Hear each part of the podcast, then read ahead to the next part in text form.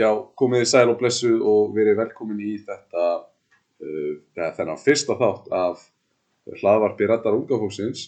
Uh, þetta er svona hálfgerði kynningaþáttur og ætlum að fara yfir þá meðlumi sem eru í þessum hópi sem ætla að sjá um þetta hlaðvarp og uh, fyrst kannski ber að nefna er ég sjálfur, það er Bjarni Þóræn Hallvarsson, heit ég, 27 ára sagfræðingur, uppalinn grindvikingur og hérna er í meistranámi í, við Háskóla Íslands í dag í kennarnámi og stefni á að kenna í framháskóla í uh, framtíðinni. En uh, líka með mér hérna er Sigurður Rekna hvað segir þú? Ég segi bara gott, takk fyrir. Uh, Já, ég heiti Sigurður Rekna og er 29 ára. Verð reyndar þrítið bara eftir tæpan mánu Ég er lærður tómstunda og félagsmálafræðingur og er fætt og uppalinn á Tálknafyrði en flutti samt til Grindæku fyrir 6 árum og ég er gift Ingúla Ágústinni og hann er grindvikingur og við eigum tvær stelpur saman. Í veturs hef ég sérst bara verið í fjarnámi og er líka nýbúinn að gefa út barnabókina Hasar í hrauninu. Mælum henni, kekið.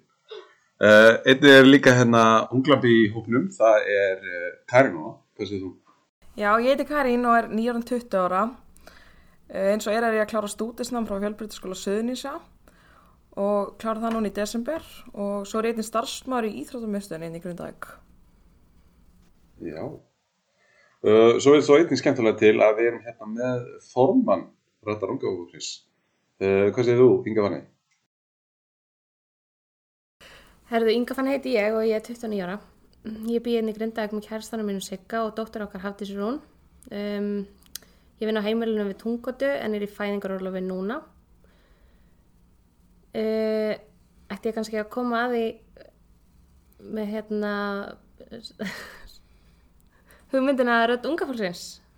Já, endilega. Ég menna, hvernig byrjaði þetta allt saman? Uh, já, hugmyndina Rödd unga fólksins kveikna árið 2017 á fjörum förstu degi nefnilega hérna í Grindavík.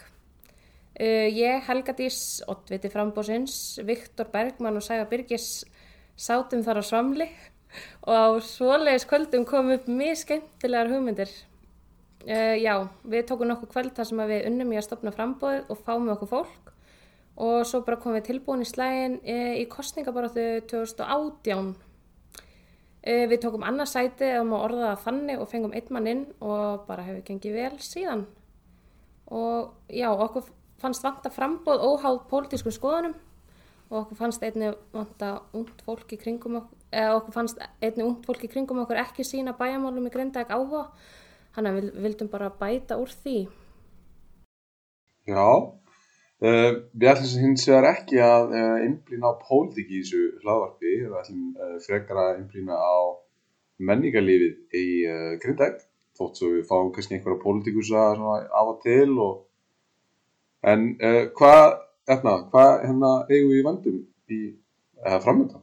Sko við eigum bara vona okkur góðu held ég. Um, við ætlum sérst fyrst, fyrst og fremst að tala við grindvikinga og þetta verða svolítið bara, já, ólíkir einstaklingar og við ætlum að ræða saman bara persónulegum og léttu nótum og hafa bara gaman og þessi þættir ættu að gefa sérst, íbúum grundaðegur góða einsýn inn í líf viðmannundakar þannig að þetta er bara mjög spennandi Já, þetta verður held ég afskaplega, afskaplega spennandi en Karin Óla, hvað hérna þú með eitthvað drauma viðmannanda? Já, það eru auðvitað fullt á áhugaverðu fólki inn í Grindavík en Ég er svona sérstaklega spennt að tala, taka spjall við eldri grindinga sem hafa frá mörg að segja. Svo verður þetta líka gaman að heyra frá ungu fólki sem er að gera það gott. Já, ég sjálfur er mjög spenntur að heyra í eldri grindingu.